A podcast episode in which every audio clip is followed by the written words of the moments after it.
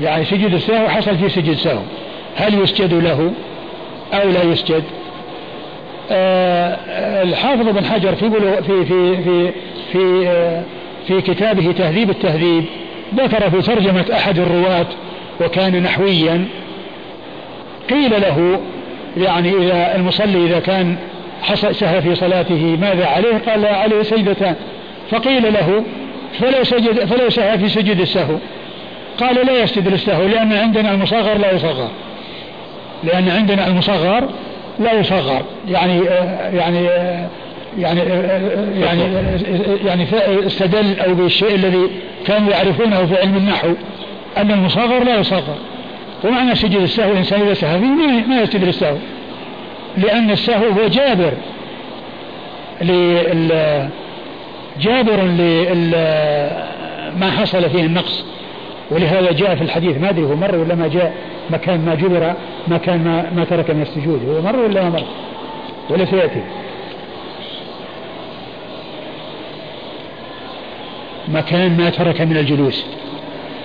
سجد سجدتين مكان ما ترك من الجلوس. يعني هذا يدل على أن سجد السهو يجبر يجبر النقص.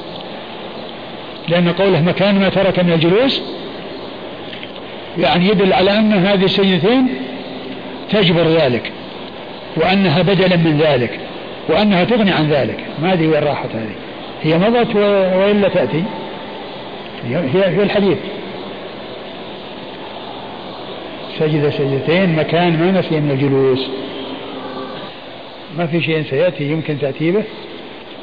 اللي بس سيأتي ما إلا بقي باب في السهو بقي باب بس. إيش؟ بقي باب واحد يعني هي فيه؟ لا. إذا إذا مضى. وين راح؟ وين وين؟ مكان ما ترك من الجلوس. أخشى أنه في غير أبي داود. لا في أبي داود. في العون عون المعبود في الشرح. في الشرح؟ إيه. ولا في ولا في يعني في الشرح ولا في المتن؟ آه، قال وزاد الترمذي في حديث عبد الله بن بحينة وسجدهما وسجدهما الناس معه. مكان ما نسي من الجلوس. هذا في الشرح وفي هذه الزيادة فإذا نعم. في الشرح ما هو في المتن؟ إيه. أجل أنا اختلط علي. لا لا. أنه في الشرح ولا في المتن أنه ظنيت أنه في المتن. ولهذا قلت يعني ما مر بنا هذا الشيء. وهذا يدل على أن سجد السهو يجبر. يعني يجبر النقص الذي قد حصل في الصلاة. ولهذا يعني آه، جاء في الحديث أنه إن كانت الصلاة تامة يعني وأن ما فيها نقص كذا كانت أرغاما للشيطان. نعم.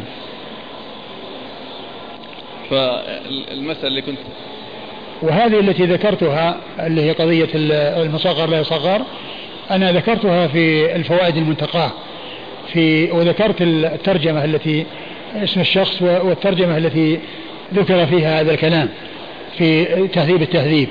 ما أتذكر الآن اسم الشخص ولكنها موجودة في لطائف وطرائف. يعني لأن هذه من الأشياء اللطيفة والطريفة يعني كونه يعني يستدل على سجود السهو لا يسجد له لو سهى فيه لأن المصغر لا يصغر عند النحويين. زكريا اسمه؟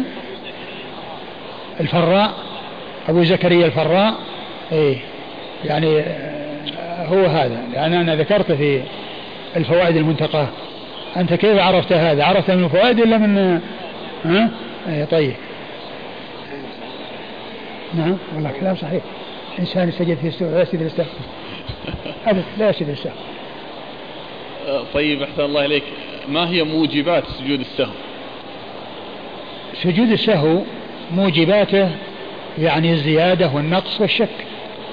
الواجبات فقط.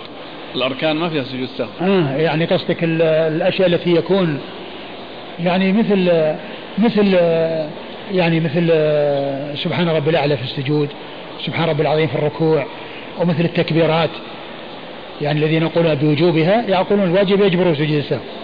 لو ترك تكبيرا جبره سجود السهو. عند من يقول؟ الركن لا يجبر. لا الركن ابدا الأركان يعني لا تجبر. وإذا يعني وإذا حصل يعني كذا فلا بد من الإتيان بالركعة كاملة. إذا كان يعني فات محلها لازم الإتيان بركعه ولا يجبر الركن بسجود السهو وإنما الذي يجبر هو الواجب. بقية السنن سنن الأفعال أو الأقوال. بقية السنن يعني كما هو معلوم ما يلزم لها يعني سجود سهو لو أن إنسان يعني نسي أنه يعني آه آه يأتي بسنة من السنن مثل دعاء الاستفتاح وما إلى ذلك ما يلزم أنه يسجد له لأن هذا يعني ليس ليس ما حصل نقص في الصلاة. يعني أمور لازمة وأمور يعني تحتاج إلى جبر. هل يفرق بين المداوم على هذه السنة والذي يفعلها أحيانا؟ فمن داوم عليها ونسيها مرة والله, والله الذي يبدو ما قضية أن كونه يعني آه يأتي بسجود السهو؟ ما أعلم يعني ما ما عندي علم أنه يعني وإنما هو لحصول سهو يعني مثلا في قيام أو في قعود أو في أو ما إلى ذلك. وأما كل إنسان يعني نسي سنة من السنن يعني كونه يعني مثلا حصل منه يعني ذهول إنه ما وضع يده أو إنه مرة ما رفع ما رفع يده يعني يسجد للسهو ما ما أعلم يعني. يحتاج إلى أن يبحث. وبالمناسبة يعني السؤال الذي سئلت عنه بالأمس وهو إذا إذا جاء إذا كان الإنسان تيمم وجاء الماء وهو في الصلاة هل يقطع الصلاة أو لا يقطعها؟ آه للعلماء في ذلك قولان. أحدهما بأنه يقطعها وبه قال الحنابلة والحنفية ويستدلون على ذلك بما جاء في الحديث آه، التيمم طهور المسلم ما لم يجد الماء ما لم يجد الماء. قالوا وقد وجد الماء والصلاة يعني لم تكمل. والشافعية والمالكية قالوا بأنه آه، لا يلزمه أن يخرج منها وإنما يتمها ولا يلزمه أن يقطعها ويتوضأ ولا يلزمه أن يقطعها ويتوضأ.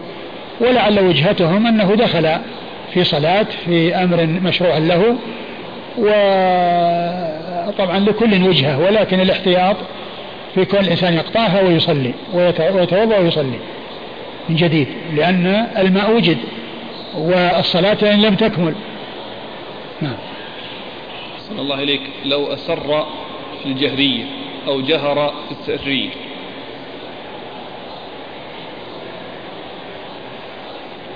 آه، مثل هذا أقول مثل هذا يعني آه، يسجد له.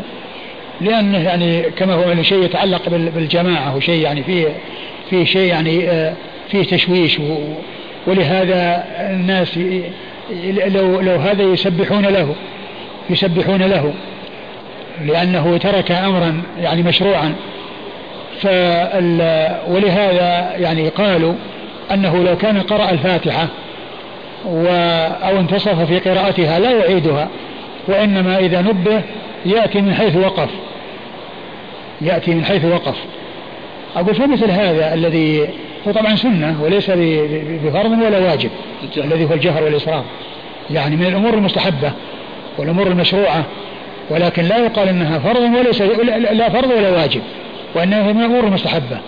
لكن كونه يعني فيه نسيان والمأمون سبحوا له ويعني حصل يعني في شيء من من التشوش يعني سجد السهو في مثل هذا يعني يبدو أنه هو الذي ينبغي.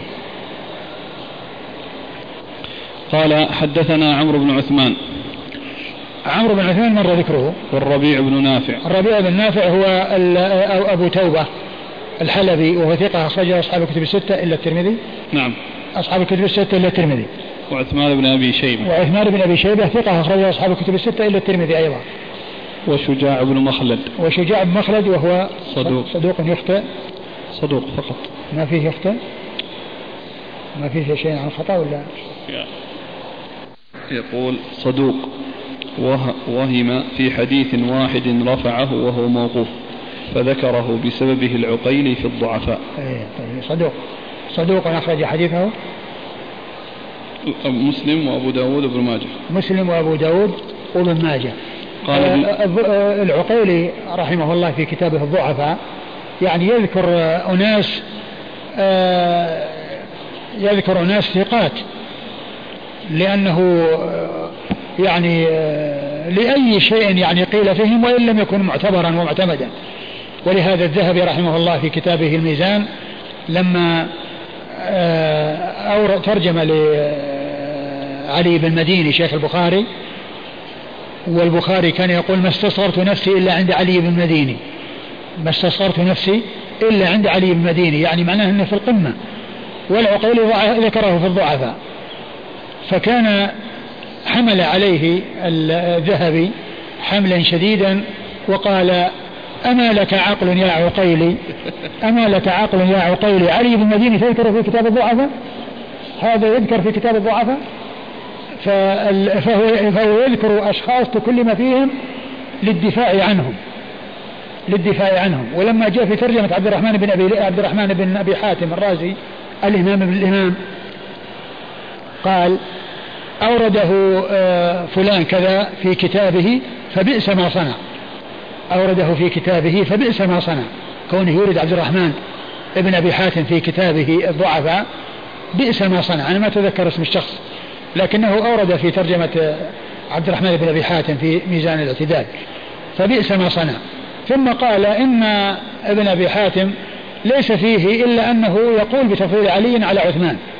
وهذه مسألة قال بها بعض السلف وذكر منهم الأعمش وابن جرير وأظن عبد الرزاق وكذا وقال مثل هذا لا يؤثر لأن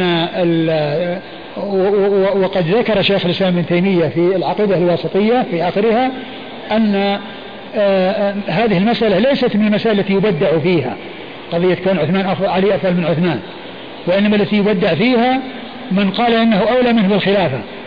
أولى منه بالخلافة. لأن الصحابة رضي الله عنهم اتفقوا على تقديم عثمان على علي. فمن قال إنه أولى منه معناه أنه أجرى بالمهاجرين والأنصار. وقدح في فعل المهاجرين والأنصار الذين اتفقوا على تقديم عثمان. لكن كونه يكون أفضل آه، يقولون يمكن أن يقال من باب تقديم المفضول على الفاضل يعني في الولاية لأن الولاية يمكن يقدم فيها المفضول مع وجود الفاضل. ما هو معناه أنه لا يقدم في الولاية إلا ما كان أفضل؟ لأنه قد يقدم المفضول على الفاضل لأمر يتعلق بالمفضول في من ناحية العمل. قال لعله ذلك ومثل هذا لا لا يؤثر يقول الذهبي. نعم. فقول هنا أن وهم يعني في حديث وأدخله العقيلي. في الضعفاء من أجل هذا يعني لا يؤثر مثل هذا. نعم. قال بمعنى الإسناد.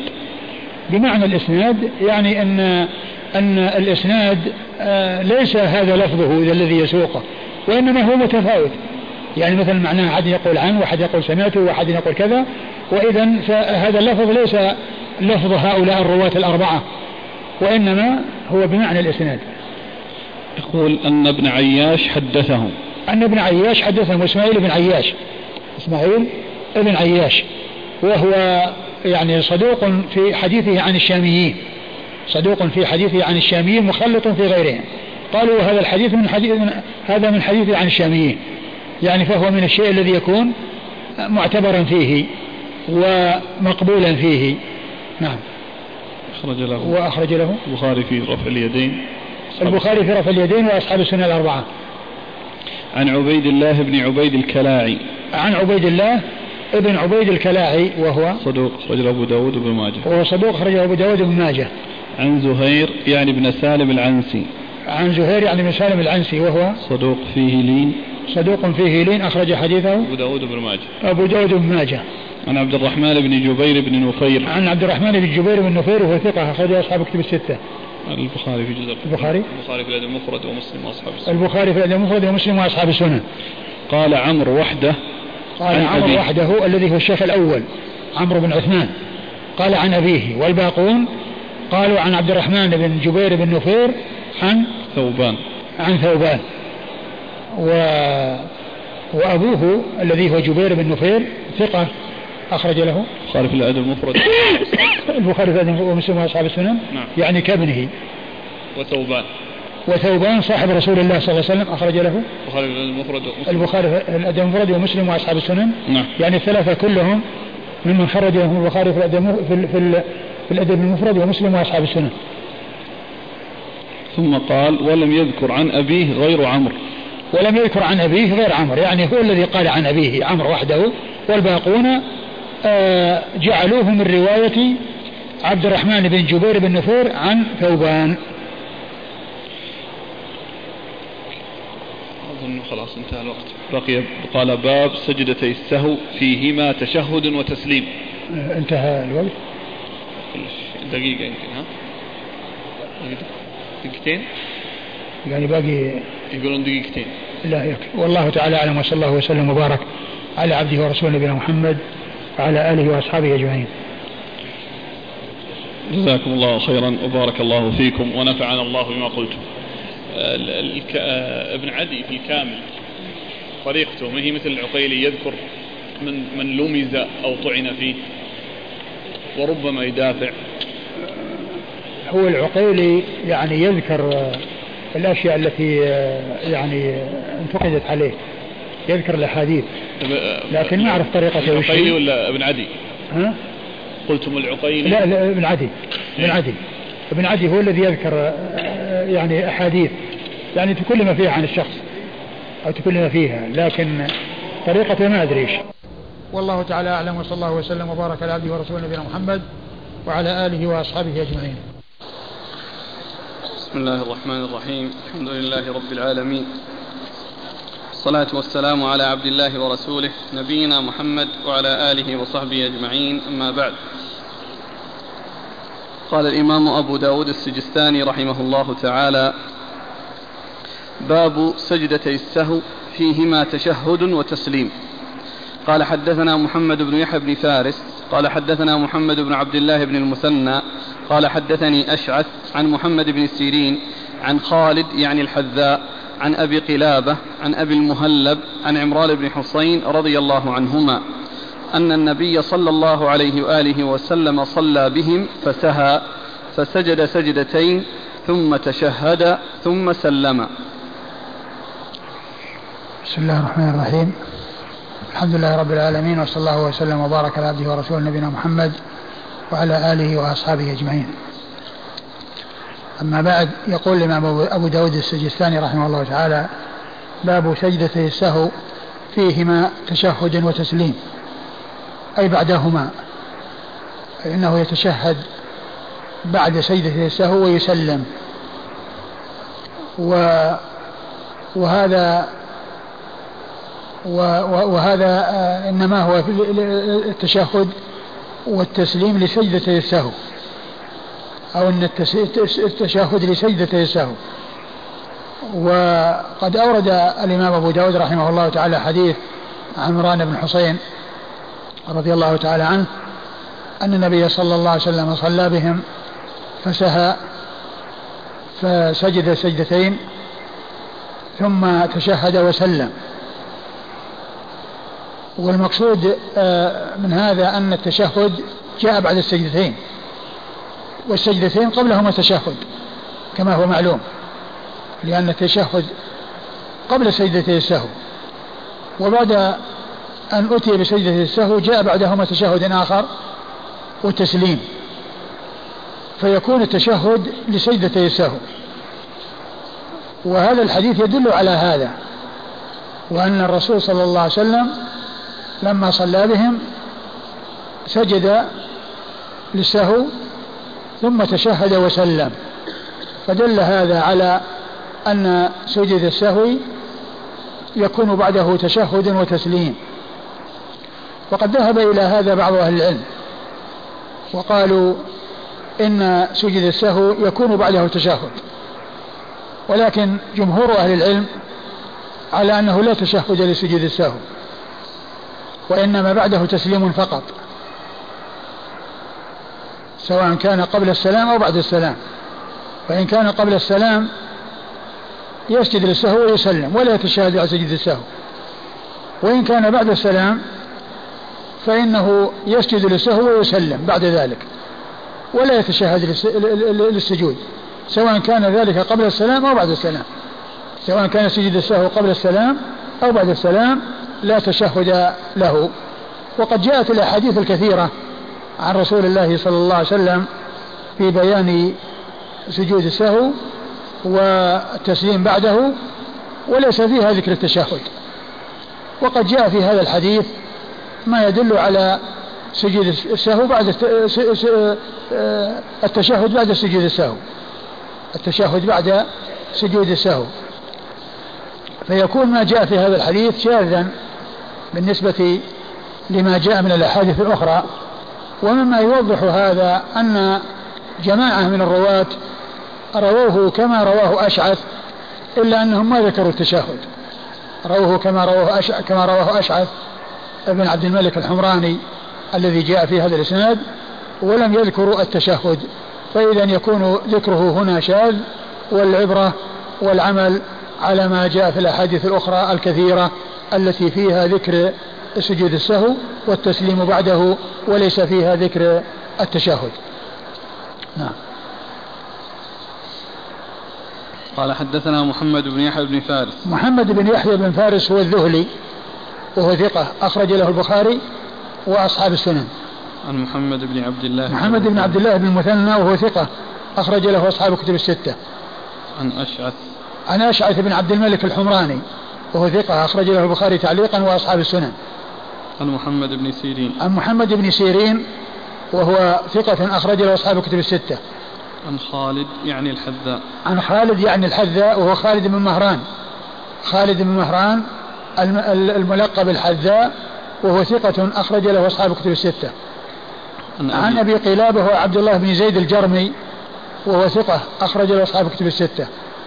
عن أبي المهلب. عن أبي المهلب الجرمي وهو عم أبي قلابة وهو ثقة أخرج له أصحاب الكتب الستة. عن عمران. عن عمران بن حصين رضي الله عنه وهو صحابي أخرج له أصحاب الكتب الستة. ثم محمد بن سيرين معلوم أنه متقدم وهنا يروي آه يروي آه وهنا يروي عن من هو؟ من؟ محمد بن سيرين عن خالد. وهنا يروي عن خالد. وهنا يروي عن خالد وخالد الحذاء. وهو أكبر منه. ولهذا يقولون هذا من رواية الأكابر عن الأصاغر. رواية الأكابر عن الأصاغر.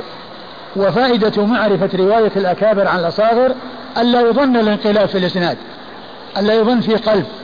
لأن الشخص إذا رأى شخص كبير يعتبر شيخا للذي روى عنه فيظن أنه فيه قلب وأنه انقلب وأنه قدم وأخر. لكن إذا عرف أن هذا من رواية الأكابر عن الأصاغر زال هذا ال ال ال الوهم أو زال هذا الاحتمال الذي هو ظن أن الإسناد فيه قلب وأن فيه تقديم وتأخير. فمحمد بن سيرين يروي عن خالد الحذا هنا وروايته عنه من قبيل رواية الأكابر عن الأصاغر. نعم.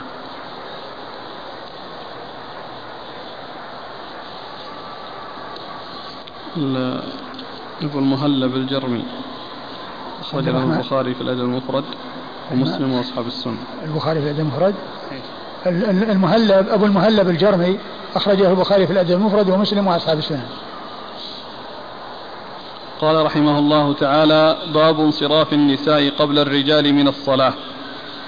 قال حدثنا محمد بن يحيى ومحمد بن رافع قال حدثنا عبد الرزاق قال أخبرنا معمر عن الزهري عن هند بنت الحارث عن أم سلمة رضي الله عنها أنها قالت كان رسول الله صلى الله عليه وآله وسلم إذا سلم مكث قليلا وكانوا يرون أن ذلك كيما ينفذ النساء قبل الرجال. ثم ورد أبو داود رحمه الله باب انصراف النساء قبل الرجال إيش؟ من الصلاة. من الصلاة؟ باب انصراف النساء قبل الرجال من الصلاة. يعني معنى هذا أنه إذا صلى النساء مع الرجال فإن الرجال يمكثون قليلا حتى تنصرف النساء قبلهم وذلك لئلا يحصل الاختلاط والاختلاط بين النساء والرجال. هذا هو المقصود من الترجمة أنه إذا صلى الرجال والنساء في المساجد فإن الرجال يمكثون قليلا حتى تنصرف النساء لئلا يكون هناك الاختلاط بين الرجال والنساء. وأورد أبو داود رحمه الله حديث سلمة أن النبي صلى الله عليه وسلم إذا صلى قعد قليلا قالوا وكان وكانوا يرون أن ذلك حتى ينفذ النساء يعني حتى ينصرفوا و يعني وحتى لا يحصل اختلاط بين الرجال والنساء. فكان المفهوم من قوله آه، آه، من مما ورد في الحديث أنه مكث قليلا أنه لهذا أنه لهذا. وهذا يدل على آه، كون النساء لهن أن يأتين المساجد وأنهن لا يمنعن من المساجد ولكن حيث يصلين فإنهن لا يختلطن مع الرجال في حال الانصراف كما أنهن لا يقربن من الرجال وقد جاءت السنة بأن قرب آه، الصف الأول من النساء هو شر صفوف النساء وأن آخر صفوف الرجال هو شر صفوف الرجال وذلك لقرب صف الرجال الأخير من صف الرجال النساء الأول وأنه كلما كان النساء أبعد عن الرجال والرجال أبعد كلما كان ذلك خيرا لهم ولهذا كان خير صفوف الرجال أولها وشرها آخرها وخير صفوف النساء آخرها وشرها أولها. كلما كان أبعد عن الرجال فإن ذلك محمود وذلك آه، مطلوب. وهذا يدل على أن ابتعاد الرجال عن الرجال عن النساء والنساء عن الرجال وعدم الاختلاط في الشوارع وفي في, في الأماكن المختلفة أن ذلك هو هو المطلوب وهو اللائق وهو الذي فيه السلامة وفيه البعد عن المحاذير. ففيه الدلالة على انصراف النساء قبل الرجال وهذا فيما إذا كان فيه نساء. وأما إذا لم يكن فيه نساء فيه نساء فإن الأمر آه، يختلف. وكذلك بالنسبة للحديث الذي أشرت إليه خير صفوف النساء أول آخرها وشرها أولها إذا كان هناك فاصل. بين الرجال والنساء وهناك بنيان وجدار ولا يطلع الصوت من النساء فإن الصفوف الأول تكون أفضل من المتأخرة لأن المحذور عند ذلك يزول. المحذور عند ذلك يزول وإنما المحذور فيما إذا كانت ليس هناك فواصل أو هناك فواصل ولكنها غير ساترة وأنه يطلع من الصوت منها وأنه قد تكون الرؤية من خلالها فعند ذلك تكون الصفوف المؤخرة للنساء أفضل من الصفوف المتقدمة. نعم. قال حدثنا محمد بن يحيى ومحمد بن رافع. محمد بن يحيى مر ذكره بن فارس الذي مر في الإسناد الذي قبل هذا. ومحمد بن رافع هو النيسابوري القشيري وهو ثقة أخرج له أصحاب الكتب الستة إلا ابن ماجه. عن عبد الرزاق. عن عبد الرزاق بن همام الصنعاني اليماني وهو ثقة أخرج له أصحاب الكتب الستة. عن معمر عن معمر بن راشد الأزدي البصري ثم اليماني وهو ثقة أخرج له أصحاب الكتب الستة. عن الزهري. عن الزهري محمد بن مسلم بن عبيد الله بن شهاب الزهري ثقة أخرج له أصحاب الكتب الستة. عن هند بنت الحارث. عن هند بنت الحارث وهي ثقة أخرج لها أصحاب الكتب الستة. البخاري وأصحاب السنن. أصحاب السنن بس؟ والبخاري. أخرج له البخاري وأصحاب السنن. عن أم سلمة. عن أم سلمة هند بنت أبي أمية أم المؤمنين رضي الله عنها وأرضاها وحديثها أخرجه أصحاب الكتب الستة. قال رحمه الله تعالى باب قيل أن قوله وكانوا يرون قيل هذا من كلام الزهري. يعني التعليل يعني التعليل لهذا التأخر ولهذا المكت قليلا هذا قيل إنه من كلام الزهري فهو مدرج. نعم. قال رحمه الله تعالى باب كيف الانصراف من الصلاة. قال حدثنا أبو الوليد الطيالسي قال حدثنا شعبة عن سماك بن حرب عن قبيصة بن هلب رجل من طي عن أبيه رضي الله عنه أنه صلى مع النبي صلى الله عليه وآله وسلم وكان ينصرف عن شق عن شقيه. ثم ورد أبو داود رحمه الله هذه الترجمة وهي كيف الانصراف من الصلاة. يعني انصراف الإمام. من صلاته إلى جهة المأمومين. عندما يسلم ويأتي بأستغفر الله أستغفر الله أستغفر الله اللهم أنت السلام ومنك السلام تباركت يا ذا الجلال والإكرام. الإمام يمكث في مصلاه مستقبل القبلة قدر ما يقول هذا الكلام فقط. وإذا أتى به انصرف إلى جهة المأمومين. لكن كيف ينصرف؟ هل ينصرف عن يمينه أو عن شماله؟ هل ينصرف عن يمينه أو عن شماله؟ هذا هو المقصود من الترجمة. كيف ينصرف؟ كيف ينصرف من الصلاة؟ نعم كيف الانصراف من الصلاة؟ كيف الانصراف من الصلاة؟ يعني كيف انصراف الإمام من الصلاة إلى جهة المأمومين؟ هل ينصرف إلى جهة يمينه أو إلى جهة شماله؟ هذا هو المقصود من الترجمة. والجواب أن كل منهما صحيح وكل منهما ثبتت به السنة. فالإنسان ينصرف عن يمينه وينصرف عن شماله. لا يقال إن هذا هو السنة دون هذا ولا هذا دون هذا وإنما كل منهما سنة. كل منهما سنة. الانصراف عن يمينه سنة والانصراف عن شماله سنة. آه هذا هو المقصود من الترجمة. أورد أبو داود حديث هلب الطائي رضي الله تعالى عنه أنه قال صل أنه صلى مع النبي صلى الله عليه وسلم وكان ينصرف عن شقيه. أنه صلى مع النبي صلى الله عليه وسلم وكان ينصرف عن شقيه يعني اليمين والشمال. يعني معناه صلى معه عدة صلوات. لأن كونه ينصرف عن شقيه هذا ما يكون في صلاة واحدة وإنما يكون في صلوات متعددة يعني أقلها اثنتان. يعني معناه أنه صلى مع النبي صلى الله عليه وسلم أكثر من مرة وكان ينصرف عن شقيه يعني عن يمينه وشماله. لا يكون انصرافه عن اليمين فقط ولا عن الشمال فقط وإنما عن هذا تارة وعن هذا تارة.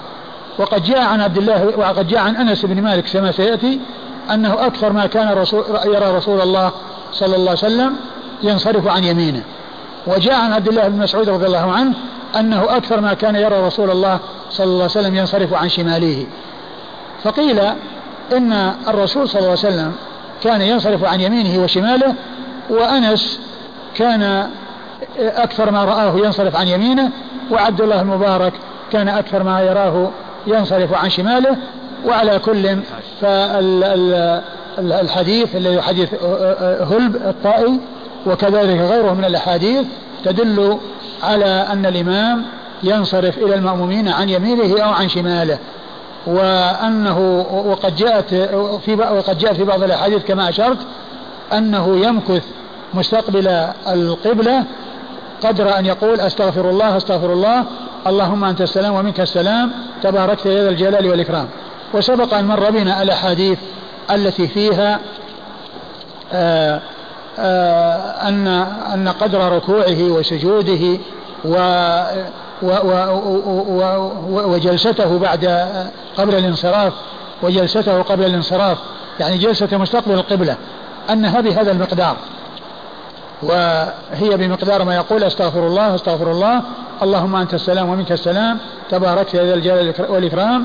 ثم ينصرف إلى المأمومين إما عن يمينه وإما عن شماله كما جاء في حديث كلب هذا الذي معنا.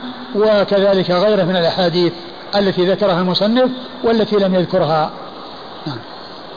قال حدثنا أبو الوليد الطيالسي. أبو الوليد الطيالسي هو هشام بن عبد الملك الطيالسي وهو ثقة. أخرج له أصحاب الكتب الستة. عن شعبة. عن شعبة بن الحجاج الواسطي ثم البصري وهو ثقة أخرج له أصحاب الكتب الستة. عن سماك بن حرب. عن سماك بن حرب وهو صدوق أخرج له البخاري تعليقا ومسلم وأصحاب السنن. عن قبيصة بن هلب. عن قبيصة بن هلب وهو مقبول. نعم مقبول أخرج له أبو داود, أبو داود. والترمذي والنسائي. وابن ماجه. أبو داود والترمذي. وابن ماجه. أبو داود والترمذي وابن ماجه. عن أبيه عن قبيصة عن أبيه هلب رضي الله عنه وهو صحابي أخرج حديثه أبو داود والترمذي وابن ماجه. قال حدثنا مسلم بن إبراهيم قال حدثنا شعبة عن سليمان عن عمارة بن عمير عن الأسود بن يزيد عن عبد الله رضي الله عنه أنه قال لا يجعل أحدكم نصيبا للشيطان من صلاته ألا ينصرف إلا عن يمينه. وقد رأيت رسول الله صلى الله عليه وآله وسلم أكثر ما ينصرف عن شماله. قال عمارة أتيت المدينة بعد فرأيت منازل النبي صلى الله عليه وآله وسلم عن يساره. ثم ورد أبو داود رحمه الله حديث عبد الله بن مسعود رضي الله عنه أنه قال لا يجعل أحدكم للشيطان نصيبا من صلاته من صلاته؟ نعم. يرى أن لا ينصرف إلا عن يمينه وقد رأيت رسول الله صلى الله عليه وسلم أكثر ما ينصرف عن شماله. يقصد بهذا أن أن الإنسان يعني لا يرى أن هذا لازم وأنه متعين أنه لا ينصرف إلا عن يمينه لأن ابن مسعود رضي الله عنه أخبر بأنه أكثر ما رأى رسول الله صلى الله عليه وسلم ينصرف عن شماله. وقوله لا يجعل أحدكم للشيطان نصيبا من صلاته يعني بحيث أنه يرى أمرا لازما لم يأتي ما يدل على لزومه وعلى وجوبه وأن وأن غيره بخلافه بل آه، الانصراف عن اليمين سائغ والانصراف عن الشمال سائغ. وابن مسعود رضي الله عنه لم ينفي أنه ينصرف إلى جهة اليمين. ولكن ولهذا قال أكثر ما ينصرف رأيته أكثر ما ينصرف معناه أنه رآه كثيرا ينصرف عن يمينه. لكن المحذور والذي آه، نبه عليه ابن مسعود رضي الله عنه هو كون الإنسان آه، يرى أن هذا أمرا لازما وأن السنة هو هذا وأنه لا ينصرف إلا عن اليمين. ولعل ولعل ذلك كون ابن مسعود رضي الله عنه ينبه على هذا لأنه جاء عن النبي صلى الله عليه وسلم ما يدل على استعمال اليمين في الأمور في الأمور المحمودة والأمور الطيبة. ف رأى أن أن هذا قد يؤدي في بعض الناس إلى أن يلتزم هذا وأن يرى أن هذا أمرا لازما. وهو يبين أن هذا ليس بصحيح. بل الرسول صلى الله عليه وسلم ينصرف عن يمينه وعن شماله ولكن أكثر ما رأى ابن مسعود رضي الله عنه الرسول صلى الله عليه وسلم ينصرف عن شماله. وقد جاء عن أنس كما أشرت أنه كان ينصرف عن يمينه صلى الله عليه وسلم. قال عمير قال نعم. قال عمارة. قال عمارة يعني بن عمير أتيت المدينة. أتيت المدينة بعد يعني بعد يعني هذا الكلام وبعد يعني سماع آه، هذا الحديث فرأيت منازل النبي صلى الله عليه وسلم عن يساره يعني عن يساره إذا كان يصلي. إذا كان في جهة القبلة هي عن يساره والبيوت عن اليسار والرسول صلى الله عليه وسلم قال ما بين بيتي ومنبري. روضة من رياض الجنة فالمنبر عن يمينه والحجر عن يساره. المساكن عن يساره والمنبر عن يمينه وهو يصلي. والمقصود أنه رها عن يساره يعني في حال اتجاهه في الصلاة. في حال اتجاهه إلى الصلاة. ولعل ذكر هذا أنه آه كما جاء عن ابن مسعود في هذا الحديث أكثر ما ينصرف عن شماله. يعني ينصرف عن شماله ويكون يعني إلى جهة بيوته وأنه آه آه يقوم فيذهب إليها. ولكن آه كما هو معلوم سواء انصرف عن اليمين أو الشمال يعني اتجاه البيوت واتجاه إلى كذا الأمر في ذلك سهل. سواء يعني هو كلهما سيان يعني من حيث سهولة الذهاب والإياب سواء التفت عن اليمين أو التفت إلى جهة الشمال. وقد جاء أن أصحاب رسول الله صلى الله عليه وسلم كانوا يحرصون على أن يصلوا على يمينه ليكون انصرافه إليهم أولا. وهذا يعني فيه آه، ما ما يدل على ما جاء عن أنس أنه كان أكثر ما يراه ينصرف عن يمينه صلى الله عليه وسلم. والحاصل أن الأمر في ذلك واسع ولكن المحذور هو أن الإنسان يرى أن أحدهما هو الحق وأن غيره لا يفعل فإن ذلك خلاف السنة نعم قال حدثنا مسلم بن إبراهيم مسلم بن إبراهيم الفراهيدي ثقة أخرج له أصحاب الكتب الستة.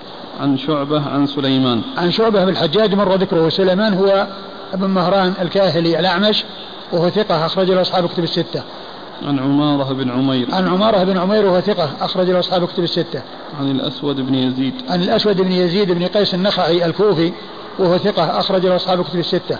عن عبد الله. عن عبد الله بن مسعود الهذلي صاحب رسول الله صلى الله عليه وسلم ورضي الله عنه وأرضاه وحديثه أخرجه أصحاب الكتب الستة. قال رحمه الله تعالى باب صلاة الرجل التطوع في بيته قال حدثنا أحمد بن محمد بن حنبل قال حدثنا يحيى عن عبيد الله قال أخبرني نافع عن ابن عمر رضي الله عنهما أنه قال قال رسول الله صلى الله عليه وآله وسلم اجعلوا في بيوتكم من صلاتكم ولا تتخذوها قبورا. ثم ورد أبو داود رحمه الله هذه الترجمة وهي التطوع تطوع المرء في صلاة في صلاة الرجل التطوع في بيته. صلاة الرجل التطوع في بيته. صلاة الرجل التطوع في بيته. أي أن هذا أفضل أي أن هذا أفضل كون الإنسان يصلي في بيته. التطوع أفضل من كونه يصلي في المسجد. وهذا إنما هو في غير الأمور التي تشرع لها الجماعة أو الصلاة في المسجد. يعني كل إنسان يأتي ويصلي تحية المسجد هذه ما تكون لا في المسجد. وكذلك التراويح تكون في المساجد.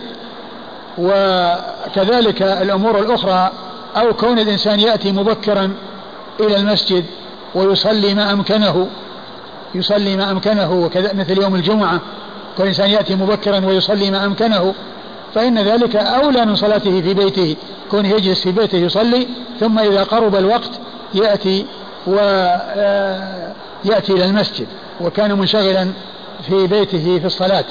بل المشروع هو أن يبكر إلى الصلاة ويصلي. ما أمكنه أن يصلي كما جاء عن الصحابة رضي الله عنهم وأرضاهم أنهم كانوا يوم الجمعة يأتون مبكرين ويصلون ما أرادوا أن يصلوا ثم يجلسون ولا يقومون إلا للصلاة. آه، أورد أبو داود حديث ابن عمر رضي الله تعالى عنهما أن النبي صلى الله عليه وسلم قال اجعلوا من صلاتكم في بيوتكم أي اجعلوا لبيوتكم نصيبا من الصلاة ولا تجعلوها ولا, ولا, ولا, ولا تتخذوها قبورا يعني تكون شبيهة بالقبور التي ليست محلا للصلاة. القبور لا يصلى فيها وليست أماكن للصلاة. ولهذا لا يصلى في المقبرة ولا يجوز أن يصلى في المقبرة وإنما الصلاة في المساجد وفي البيوت وفي الأماكن التي لم يأتي النهي عنها. والمقبرة لا يصلى فيها. المقبرة لا يصلى فيها لا ل...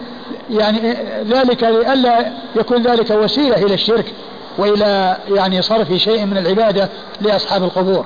لا لأنها نجسة وإنما يعني المقصود من ذلك أن لا يكون هناك يعني وسيلة وذريعة آه، يؤدي إلى أن آه، يصرف لأصحاب القبور شيء لا يستحقونه وإنما يستحقه الله سبحانه وتعالى.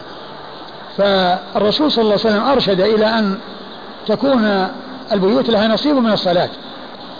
ذلك حتى يعني تحضرها الملائكة وحتى تكون أبعد عن الرياء.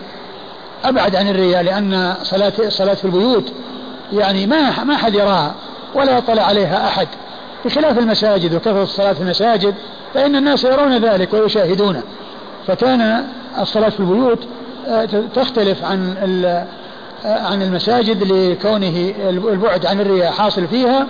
وأيضا حتى يكون لها نصيب من هذه العبادة العظيمة التي تحضرها الملائكة وفيها قراءة القرآن وهي تطرد الشياطين فذلك هو من فوائد آه، وحكم الإرشاد إلى أن الناس يصلون في بيوتهم ويجعلون لها نصيبا. وكما ذكرت فيه الإشارة إلى أن المساجد ليس المقابر ليست محلا للصلاة. فهي معناها إذا إذا لم يصلوا فيها صارت كالقبور كالمقابر. التي ليست لا صلاة فيها. عند ذلك يكون لا فرق بين المسا... بين البيوت وبين المقابر. تكون البيوت شبيهة بالمقابر. إذا كان البيوت لا يصلى فيها صارت مثل المقابر التي لا يصلى فيها. صارت مثل المقابر التي لا يصلى فيها. ولكن يجعل لها نصيب من الصلاة لتحصل البركة ويحصل الخير ويحصل نزول الملائكة ويحصل طرد الشياطين ويحصل البعد عن الرياء. نعم. قال حدثنا أحمد بن محمد بن حنبل. أحمد بن محمد بن حنبل الإمام أحد أصحاب المذاهب الأربعة من مذاهب أهل السنة وحديثه أخرجه أصحاب الكتب الستة. عن يحيى. عن يحيى هو بن سعيد القطان البصري ثقة أخرج له أصحاب الكتب الستة. عن عبيد الله. عن نافع. نعم. عن عبيد الله وهو عبيد الله بن عمر بن حفص بن عاصم بن عمر العمري المصغر وهو ثقة أخرج له أصحاب الكتب الستة. عن نافع عن نافع مولى بن عمر وهو ثقة أخرج له أصحاب الكتب الستة. عن عبد الله بن عمر بن الخطاب رضي الله عنهما الصحابي بن الصحابي الصحابي الجليل أحد العبادلة الأربعة من أصحاب النبي عليه الصلاة والسلام وأحد السبعة المعروفين بكثرة الحديث عن النبي صلى الله عليه وسلم ورضي الله عن الصحابة أجمعين. قال حدثنا أحمد بن صالح قال حدثنا عبد الله بن وهب قال أخبرني سليمان بن بلال عن إبراهيم بن أبي النضر عن أبيه عن بصر بن سعيد عن زيد بن ثابت رضي الله عنه أن رسول الله صلى الله عليه وآله وسلم قال صلاة المرء في بيته أفضل من صلاته في مسجدي هذا إلا المكتوبة. ثم ورد أبو داود حديث زيد بن ثابت رضي الله عنه أن النبي صلى الله عليه وسلم قال صلاة صلاة المرء نعم. صلاة المرء في بيته أفضل. من صلاته في مسجدي هذا إلا المكتوبة. يعني المكتوبة أنها لا تكون إلا في المساجد وهذا إنما هو في حق الرجال. لأن كلمة المرء يعني يشمل الرجال والنساء. فهذا إنما هو في حق الرجال. وإلا فإن النساء صلاتهن المكتوبة في البيوت أفضل من صلاتهن في المساجد. صلاتهن النوافل والفرائض في البيوت أفضل من صلاتهن في المساجد. وإذا يعني آه، استأذن إلى المساجد لا يمنعن من ذلك إذا لم يترتب على ذلك مفسدة ويحصل بخروجهن ضرر. ولكن الذي يكون صلاته في بيته أفضل دون المكتوبة فإن المكتوبة تكون في المسجد ولا تكون في البيت إنما هذا في حق الرجال الذين تجب عليهم صلاة الجماعة. وأما النساء فلا تجب عليهن صلاة الجماعة ولكن تجوز لهن صلاة الجماعة إذا أردن ذلك وإذا استأذن لذلك فإنهن لا يمنعن كما قال عليه الصلاة والسلام لا تمنعوا إماء الله من مساجد الله. آه وقول وما جاء في هذا الحديث من قوله صلى الله عليه وسلم صلاة صلاة المرء في بيته أفضل من صلاة في مسجد هذا إلا المكتوبة؟ إلا المكتوبة هذا يدلنا على أن المكان الفاضل والمكان المقدس أنه كغيره من الأماكن الأخرى من جهة أن صلاة المرء في بيته أفضل من صلاته في المسجد ولو كان هذا المسجد المقدس الذي الصلاة فيه بألف صلاة كما جاء ذلك عن رسول الله صلى الله عليه وسلم. ثم أيضا هذا في آه، آه، فيه إشارة إلى أن الإنسان لو صلى في مسجد الرسول صلى الله عليه وسلم نافلة فصلاته بألف.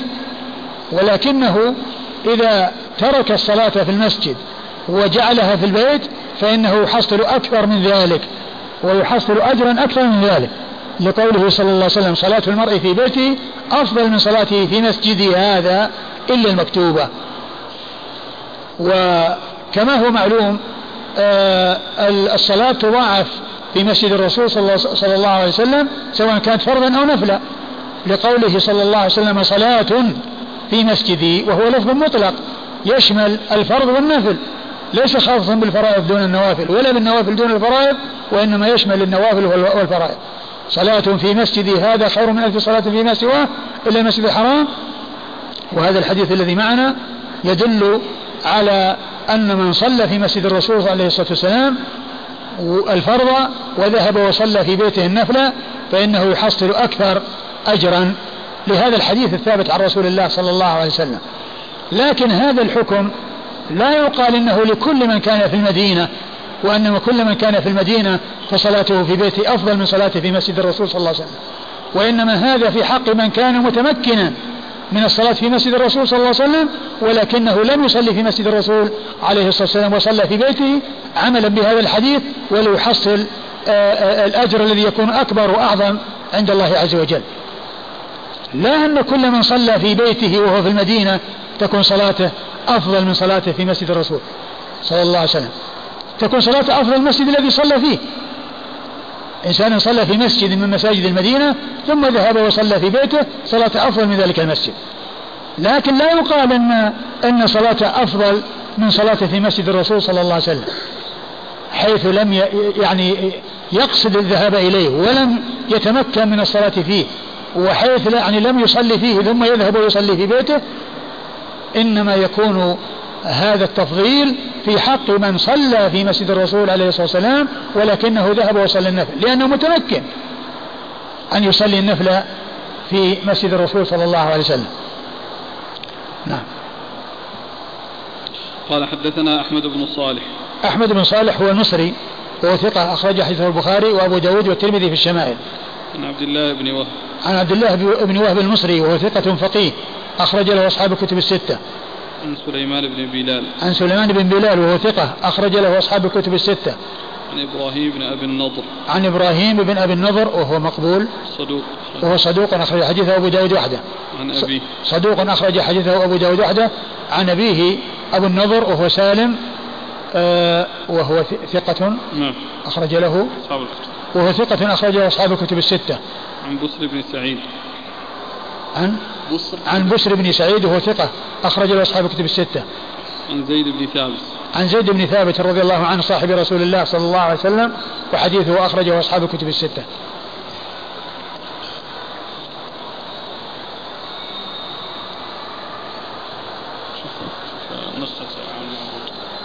في بعض النسخ ما في عن أبي. ها؟ النسخة اللي حققها محمد عوام. ها؟ ما في عن أبي بس إبراهيم بن أبي النضر عن بسر بن سعيد. عن إبراهيم بن أبي- عن مسلم بن سعيد. والنسخة الذي معنا فيها عن أبيه. كذلك في عون المعبود. يعني عن أبيه؟ إيه فيه. إيه. صح قال رحمه الله تعالى باب من صلى لغير القبلة ثم علم.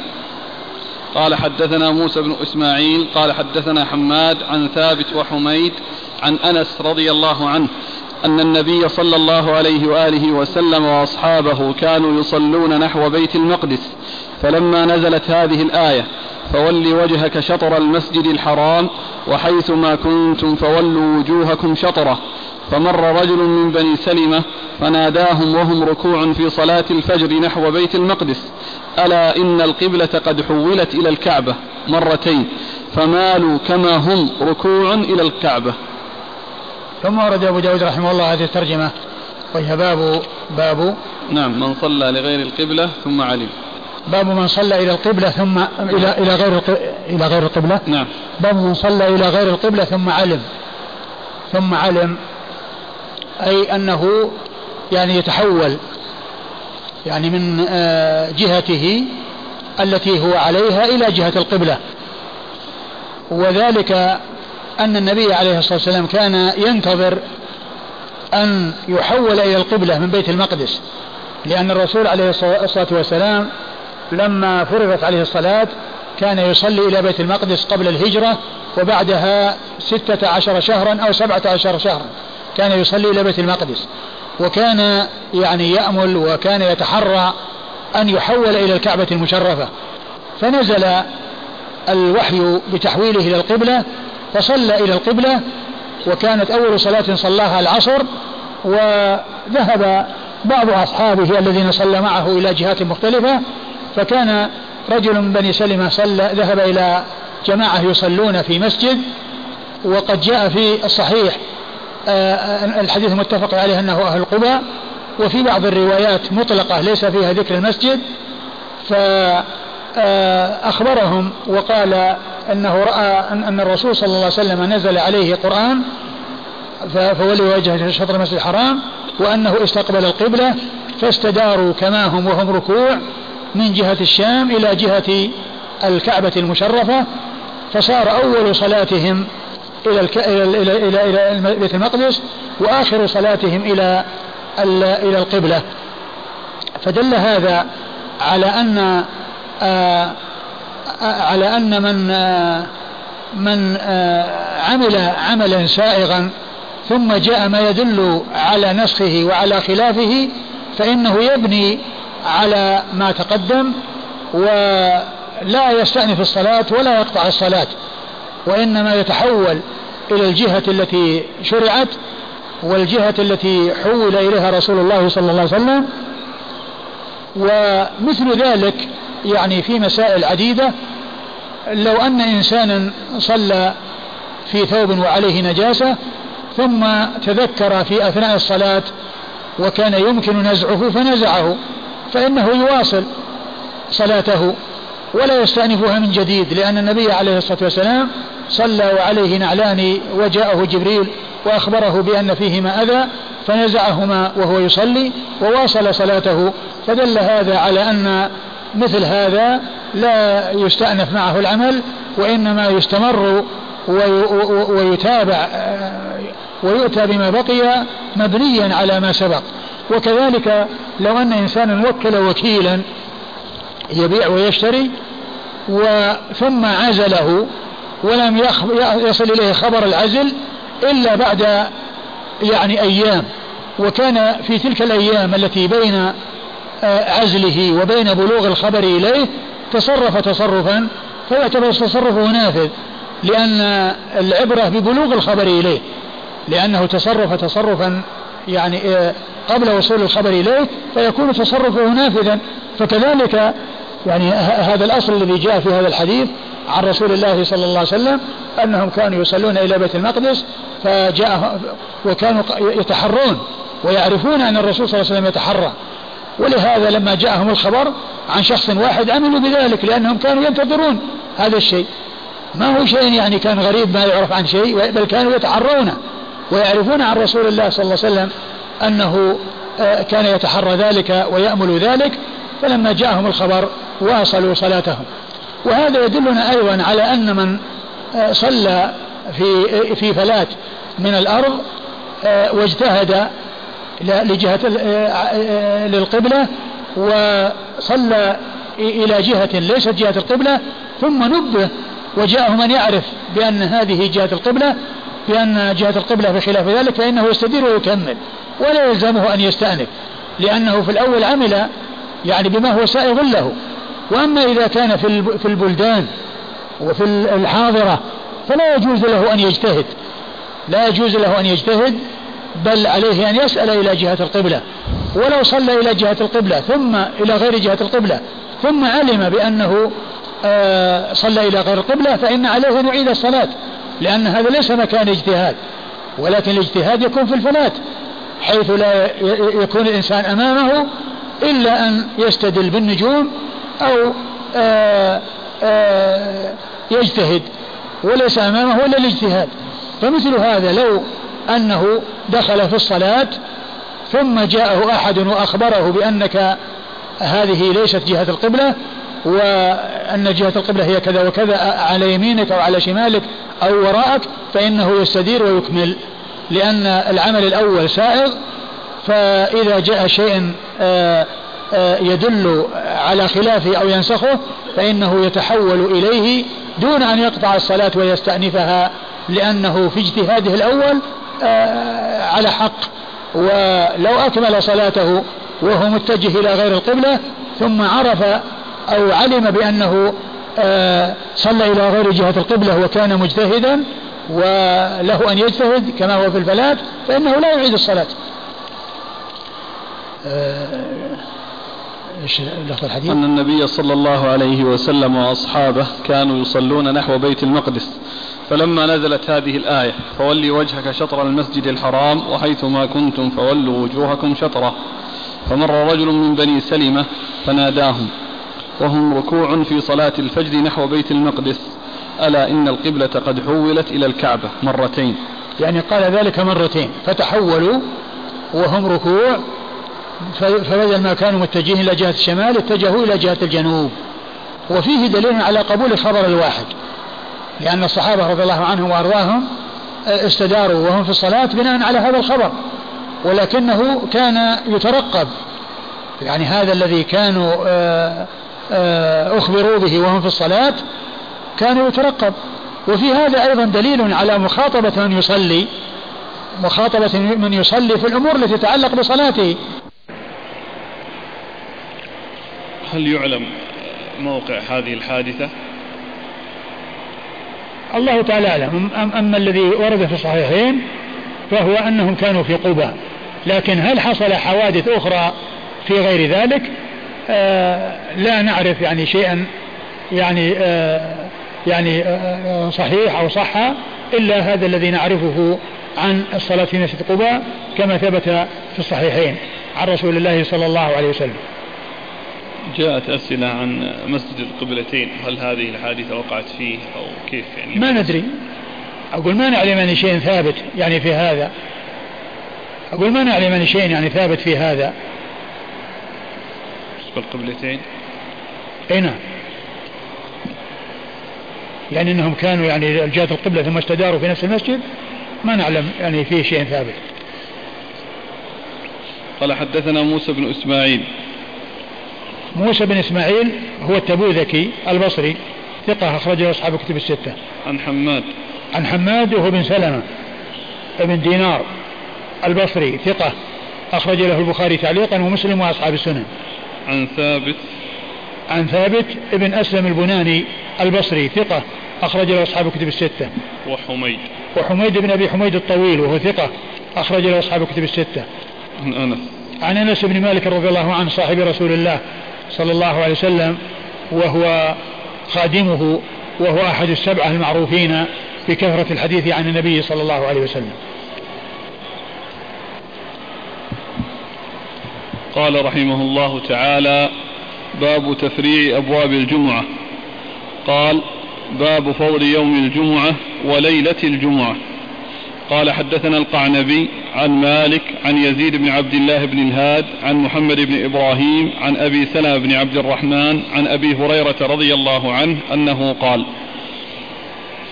قال رسول الله صلى الله عليه وآله وسلم خير يوم طلعت فيه الشمس يوم الجمعة فيه خلق آدم وفيه أهبط وفيه تيب عليه وفيه مات وفيه تقوم الساعة وما من دابة إلا وهي مسيخة يوم الجمعة من حين من حين من حين تصبح حتى تطلع الشمس شفقا من الساعة إلا الجن والإنس. وفي ساعة لا يصادفها عبد مسلم وهو يصلي يسأل الله حاجة إلا أعطاه إياها. قال كعب ذلك في كل سنة في كل سنة يوم. فقلت بل في كل جمعة. قال فقرأ كعب التوراة فقال صدق النبي صلى الله عليه وسلم. قال أبو هريرة ثم لقيت عبد الله بن سلام فحدثته بمجلسي مع كعب.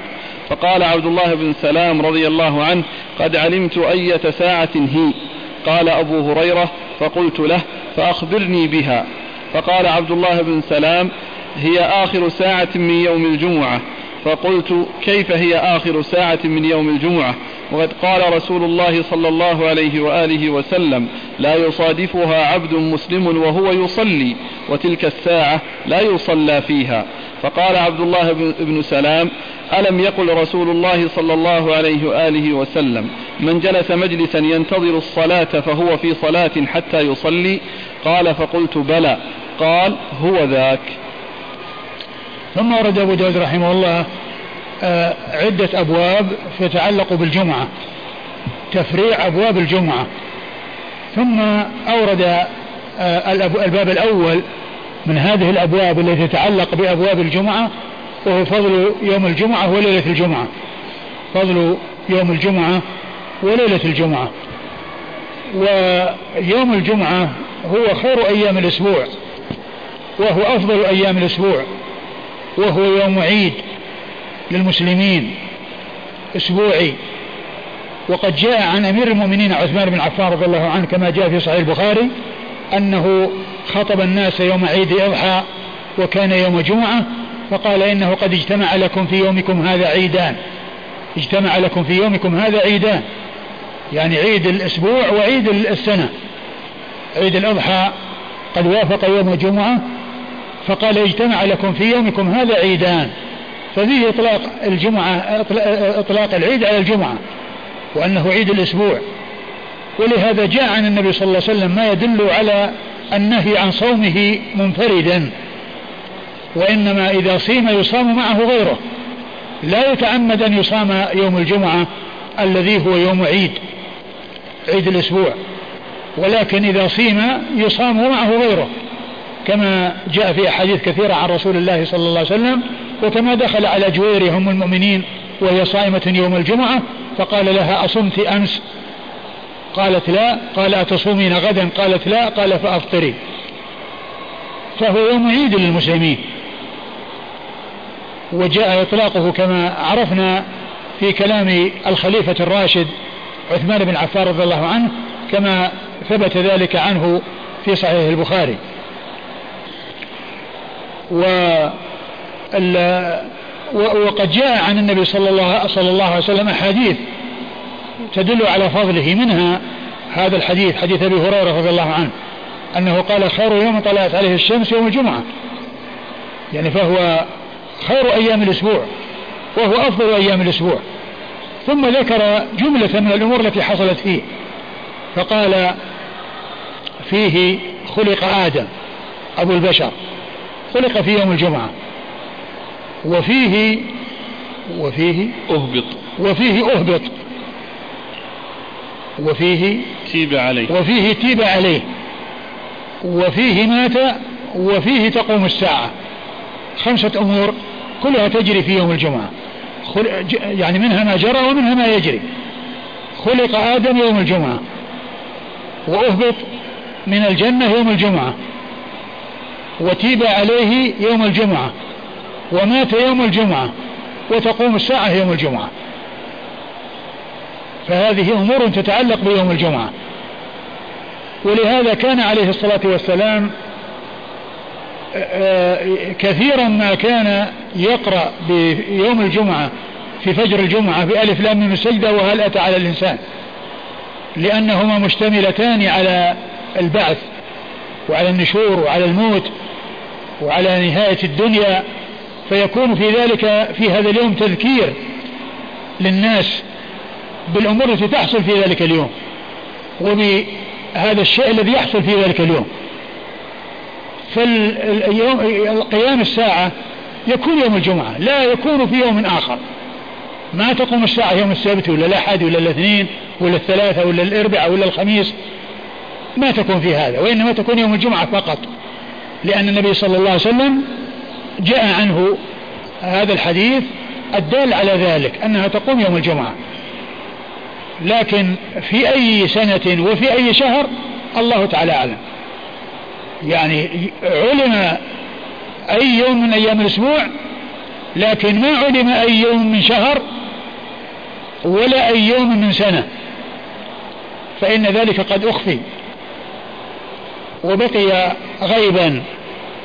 لا يعلمه إلا الله عز وجل. ولكن علم الله نبيه وأخبر نبيه صلى الله عليه وسلم بأنها تقوم يوم الجمعة. بأنها تقوم يوم الجمعة. ولهذا لا يقال إنها تقوم في يوم آخر. ولهذا منذ سنوات عديدة يعني تقريبا من ثلاثين سنة أو قريب من ثلاثين سنة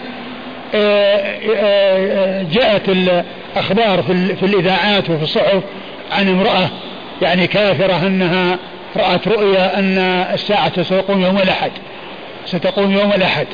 وحصلت كلام كثير وحديث الإذاعات وبعض الناس في أماكن متعددة خافوا.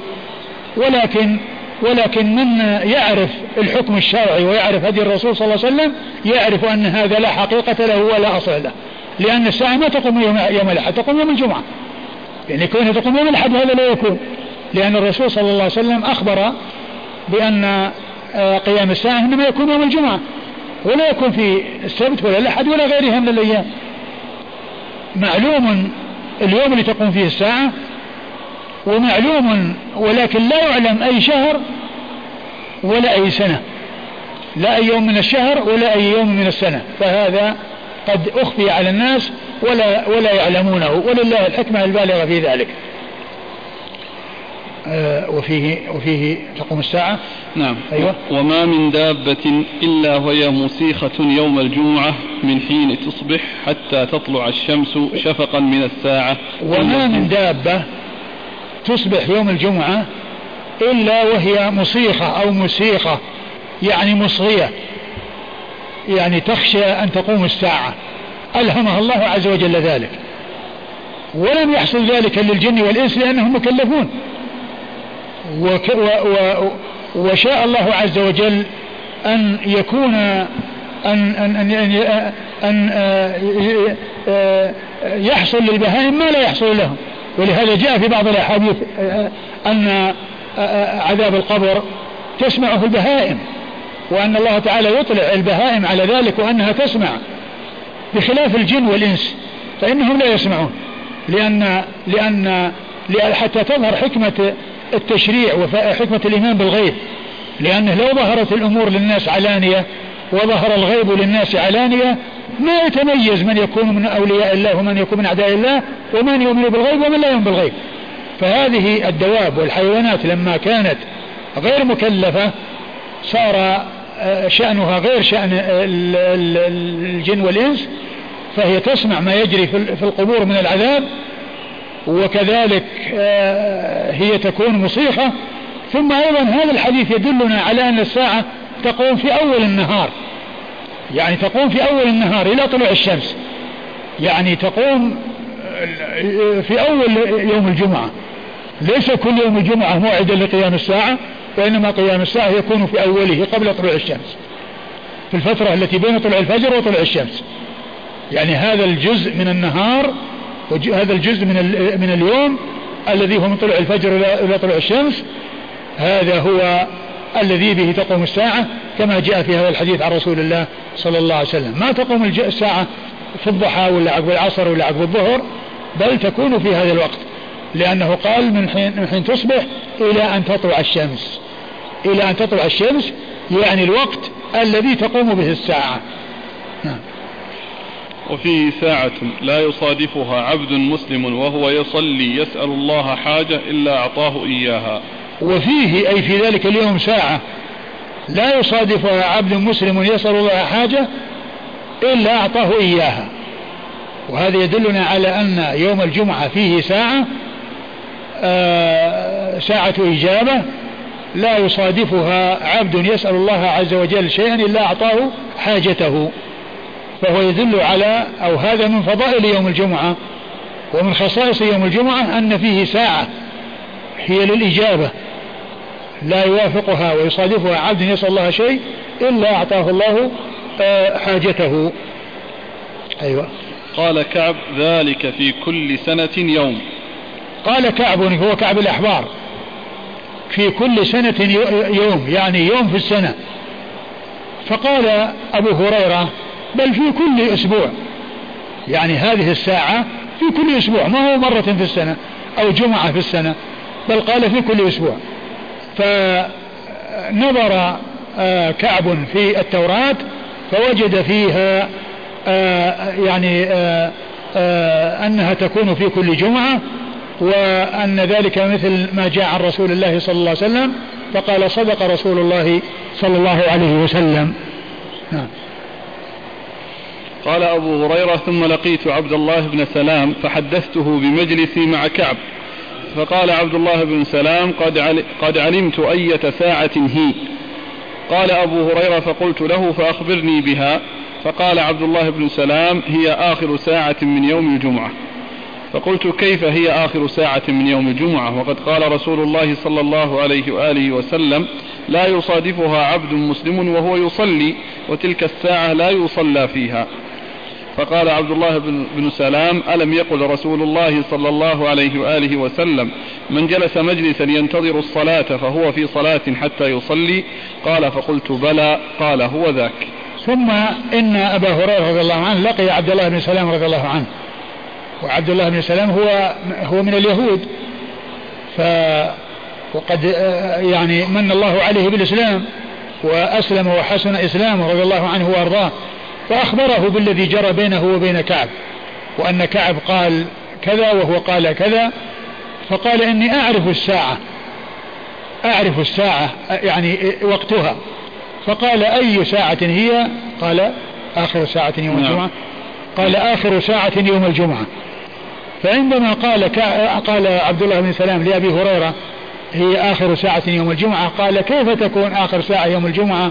والرسول صلى الله عليه وسلم قال لا يوافقها عبد يصلي يسأل الله وهذا ليس مكان للصلاة لأن الرسول صلى الله عليه وسلم قال لا صلاة بعد العصر حتى تغرب الشمس. لا صلاة بعد العصر حتى تغرب الشمس. فكيف يكون الإنسان يصلي وتكون يعني ساعة إجابة والإنسان يصلي؟ فقال ألم يقل رسول الله صلى الله عليه وسلم أن من جلس مجلسا ينتظر الصلاة فهو في صلاة؟ يعني معناها الذي ينتظر الصلاة هو مصل حكما. وإن لم يكن مصلي فعلا. جزاكم الله الله تعالى عنه وصلى الله وسلم وبارك على عبده ورسوله نبينا محمد. بسم الله الرحمن الرحيم. يقول الأخ ما أدري هذا لعلكم تذكرون يقول مر بنا في دروس النسائي كنتم قد جمعتم بين الأحاديث في تحول القبلة على أن أول ما نزل أول ما نزلت الآية كان في قباء وكان هناك رسول الله صلى الله عليه وسلم. أول ما نزلت؟ إيه. الآية؟ كان في قباء. الرسول؟ لا كذا كتب الأخ. ها. جمعتم بين الأحاديث على أن أول ما نزلت الآية كان في قباء وكان هناك رسول الله صلى الله عليه وسلم ثم ذهب أحد الصحابة إلى مسجد القبلتين. فأعلن لهم أن القبلة قد حولت فاستداروا. أبدا هذا كلامي؟ هذا يقول. الله أبدا ما أخبر أني قلت هذا. ولكن الذي حصل أن الذاهب ذهب إلى قباء كما في الصحيحين. والرسول صلى الله عليه وسلم صلى في مسجده. والذي صلى مع الرسول هو الذي ذهب وأخبر الناس في قباء. وأما القبلتين أنا ما أعرف ما أعرف فيه شيء ثابت يعني يدل عليه. فالإنسان يعني عليه أن يتحقق يعني مما يكتب ومما ينقل ولا يعني يضيف يعني إلى الإنسان لشيء وهو غير متحقق منه. لأن قضية الآية ما نزلت في قباء الآية نزلت على الرسول صلى الله عليه وسلم والذاهب ذهب إلى قباء بعد أن صلى مع الرسول صلى الله عليه وسلم في مسجده. وأخبر الناس فاستداروا كما في الصحيحين. وأما مسجد القبلتين أو الذهاب إلى مسجد القبلتين ما أعرف فيه يعني شيئا ثابتا. يقول في بعض البلدان القبور فيها كالبيوت بها بها غرف وأماكن للمعيشة في حوش البيت وتوجد مقبرة ويعيش الناس في هذه البيوت التي فيها المقابر. فهل تأخذ الحكم في كراهية الصلاة فيها. مع العلم أحيانا يكون القبر تحت غرفة المعيشة وأحيانا يكون في مؤخرة أماكن المعيشة. القبور لا يجوز أن تكون في البيوت. المقابر مقابر والبيوت بيوت. المساكن مساكن والمقابر مقابر. ولا يجوز دفن الموتى في البيوت. وفي البنيان. وإنما الذي آه، آه، حصل في حقه رسول الله صلى الله عليه وسلم هو الذي دفن في البنيان ودفن في منزله وفي بيته لأن الصحابة رضي الله عنهم وأرضاهم جاء يعني أخبرهم من عنده علم عن رسول الله صلى الله عليه وسلم أن الأنبياء يدفنون حيث يموتون. فدفنوه في المكان الذي مات فيه رسول الله. عليه الصلاة والسلام. وإلا فإن الأموات لا يدفنون في البيوت وإنما يدفنون في المقابر والمقابر تختلف عن البيوت. البيوت محل الصلاة والمقابر ليست محل الصلاة. الواجب هو يعني آه، عدم آه، دفن الموتى في البيوت. وأن وأنه إذا كان الميت دفن وفي البيت والبيت موجود قبل فإن على الإنسان أنه ينقله. أو يخرجه ويضعه في في مقابر المسلمين. ولا ولا يجوز أن أن يدفن الموتى في البيوت.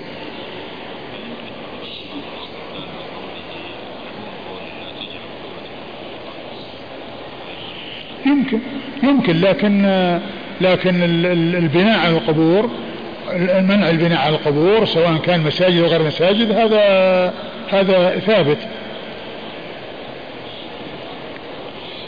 ما رأي فضيلتكم وكذلك الحديث الآخر الذي هو بمعنى هذا الحديث. قال لا تجعلوا بيوتكم قبورا ولا تتخذوا قبري عيدا.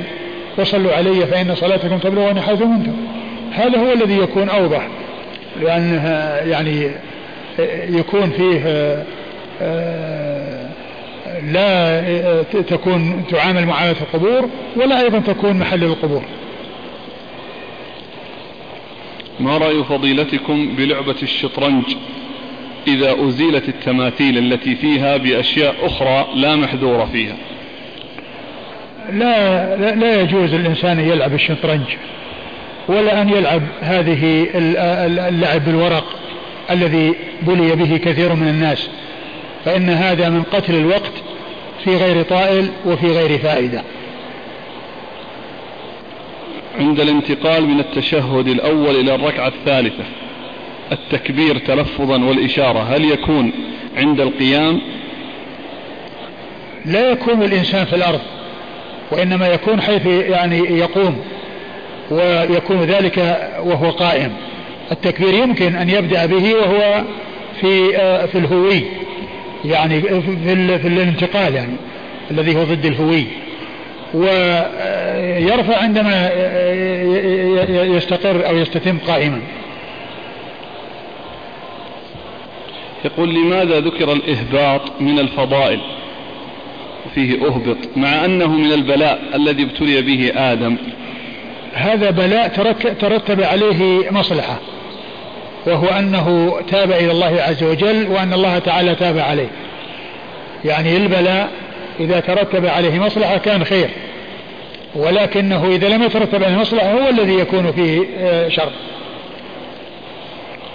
يقول وما معنى قوله قوله وفيه تيب عليه؟ تيب عليه هنا حصلت له التوبة من الله ثم اجتباه فتاب عليه وهدى. يعني في في يوم الجمعة. تيب عليه فعل ماضي آه يعني مبني للمجهول. يقول كيف يكون هذا الأمر من كعب حيث أنه لم يقل صدق رسول الله صلى الله عليه وسلم إلا بعد الرجوع إلى التوراة.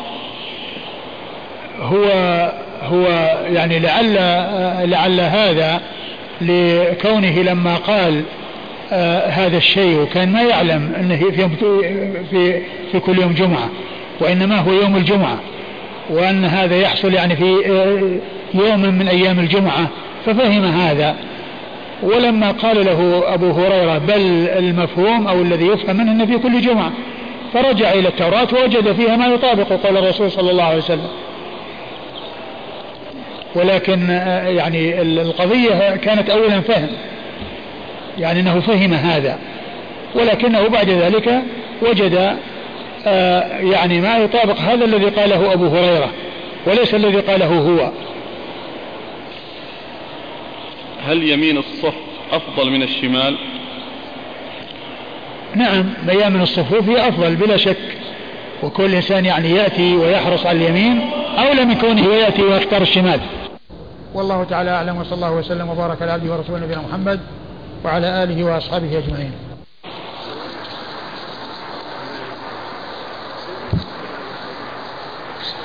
بسم الله الرحمن الرحيم. الحمد لله رب العالمين. والصلاة والسلام على عبد الله ورسوله نبينا محمد وعلى آله وصحبه أجمعين أما بعد. قال الإمام أبو داود السجستاني رحمه الله تعالى باب تفريع أبواب الجمعة. قال باب فضل يوم الجمعة وليلة الجمعة.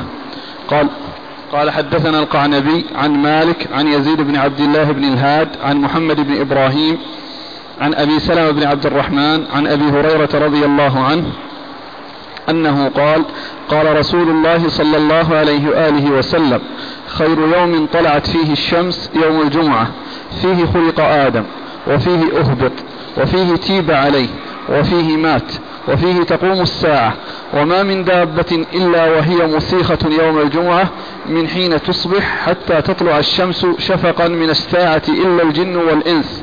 وفيه ساعة لا يصادفها عبد مسلم وهو يصلي يسأل الله حاجة إلا أعطاه إياها. قال كعب ذلك في كل سنة يوم. فقلت بل في كل جمعة.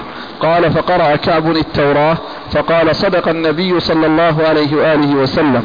قال أبو هريرة ثم لقيت عبد الله بن سلام فحدثته بمجلسي مع كعب. فقال عبد الله بن سلام رضي الله عنه قد علمت أية ساعة هي. قال أبو هريرة فقلت له فأخبرني بها. قال عبد الله بن سلام هي آخر ساعة من يوم الجمعة. فقلت كيف هي آخر ساعة من يوم الجمعة؟ وقد قال رسول الله صلى الله عليه وآله وسلم لا يصادفها عبد مسلم وهو يصلي وتلك الساعة لا يصلى فيها. فقال عبد الله بن سلام ألم يقل رسول الله صلى الله عليه وآله وسلم من جلس مجلسا ينتظر الصلاة فهو في صلاة حتى يصلي؟ قال فقلت بلى. قال هو ذاك. بسم الله الرحمن الرحيم. الحمد لله رب العالمين وصلى الله وسلم وبارك على عبده ورسوله نبينا محمد وعلى آله وأصحابه أجمعين أما بعد. فسبق في الدرس الماضي أن بدأنا بأبواب بأبواب تفريع تفريع أبواب الجمعة أبواب صلاة الجمعة. وسبق أن بدأنا بالترجمة الأولى من هذه التراجم وهي فضل يوم الجمعة وليلة الجمعة. ومر هذا الحديث الذي هو حديث أبي هريرة رضي الله عنه الذي سمعناه وعرفنا أن أنه وقد جاء في آخره قول عبد الله بن سلام رضي الله تعالى عنه أني أعرف أي ساعة هذه ساعة ساعة الإجابة. فقال له أبو هريرة وما, وما هي؟ أخبرني بها. فقال هي آخر ساعة بعد العصر. آخر ساعة بعد العصر فقال أبو هريرة كيف آه تكون آه هذه هي الساعة مع أن النبي صلى الله عليه وسلم قال لا يوافق لا يصادفها عبد قائم لله يصلي أو لا يوافقها عبد يصلي والصلاة بعد العصر آه، آه، آه، مما جاء النهي عنه فقال أليس قال رسول الله صلى الله عليه وسلم من كان ينتظر الصلاة فهو في صلاة؟ قال نعم قال فذاك. وهذا فيه بيان أو الإشارة إلى أن ساعة الإجابة التي في هذا اليوم هي آخر النهار وآخر ساعة بعد العصر. وهذا الذي قاله عبد الله بن سلام رضي الله عنه إما أن يكون عرفه من النبي صلى الله عليه وسلم وهذا هو الأظهر والمتبادر وإما أن يكون عرفه مما هو موجود في التوراة. وقد جاء في السنة عن جابر بن عبد الله رضي الله عنه ما يدل على هذا الذي جاء عن جابر عن عبد الله بن سلام وأنها آخر ساعة بعد العصر كما سيأتي. وقد اختلف العلماء في تحديد ساعة الإجابة على أقوال عديدة أرجحها وأولاها هو ما جاء في هذا الحديث وفي غيره من الأحاديث أنها آخر ساعة بعد العصر.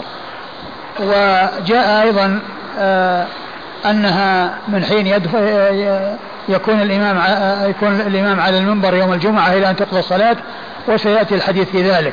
لكن الأظهر في هذا والله أعلم أن أنها هي آخر ساعة بعد العصر. وكون وكونه جاء عن النبي صلى الله عليه وسلم آه لا يوافقها أو لا يصادفها عبد قائم الله يصلي آه آه معنى هذا كما قال عبد الله بن سلام أن من انتظر الصلاة فهو في صلاة. وقد جاء عن النبي صلى الله عليه وسلم ما ما يوضح هذا أن المنتظر الصلاة فهو في صلاة. فهو يكون مصلي حكما وإن لم يكن مصليا حقيقة. يكون مصليا حكما وإن لم يكن مصليا حقيقة لأنه في حكم المصلي. ما دام ينتظر الصلاة وقد قال النبي صلى الله عليه وسلم أنه في صلاة. وأيضا معنى آخر لهذا وهو أنه يعني يصلي يعني يدعو والصلاة معناها في اللغة الدعاء. فيكون معنى الصلاة الدعاء ومعنى قائم يعني أنه ملازم للدعاء. وليس بلازم أن يكون القيام الذي هو الوقوف للصلاة الحقيقية.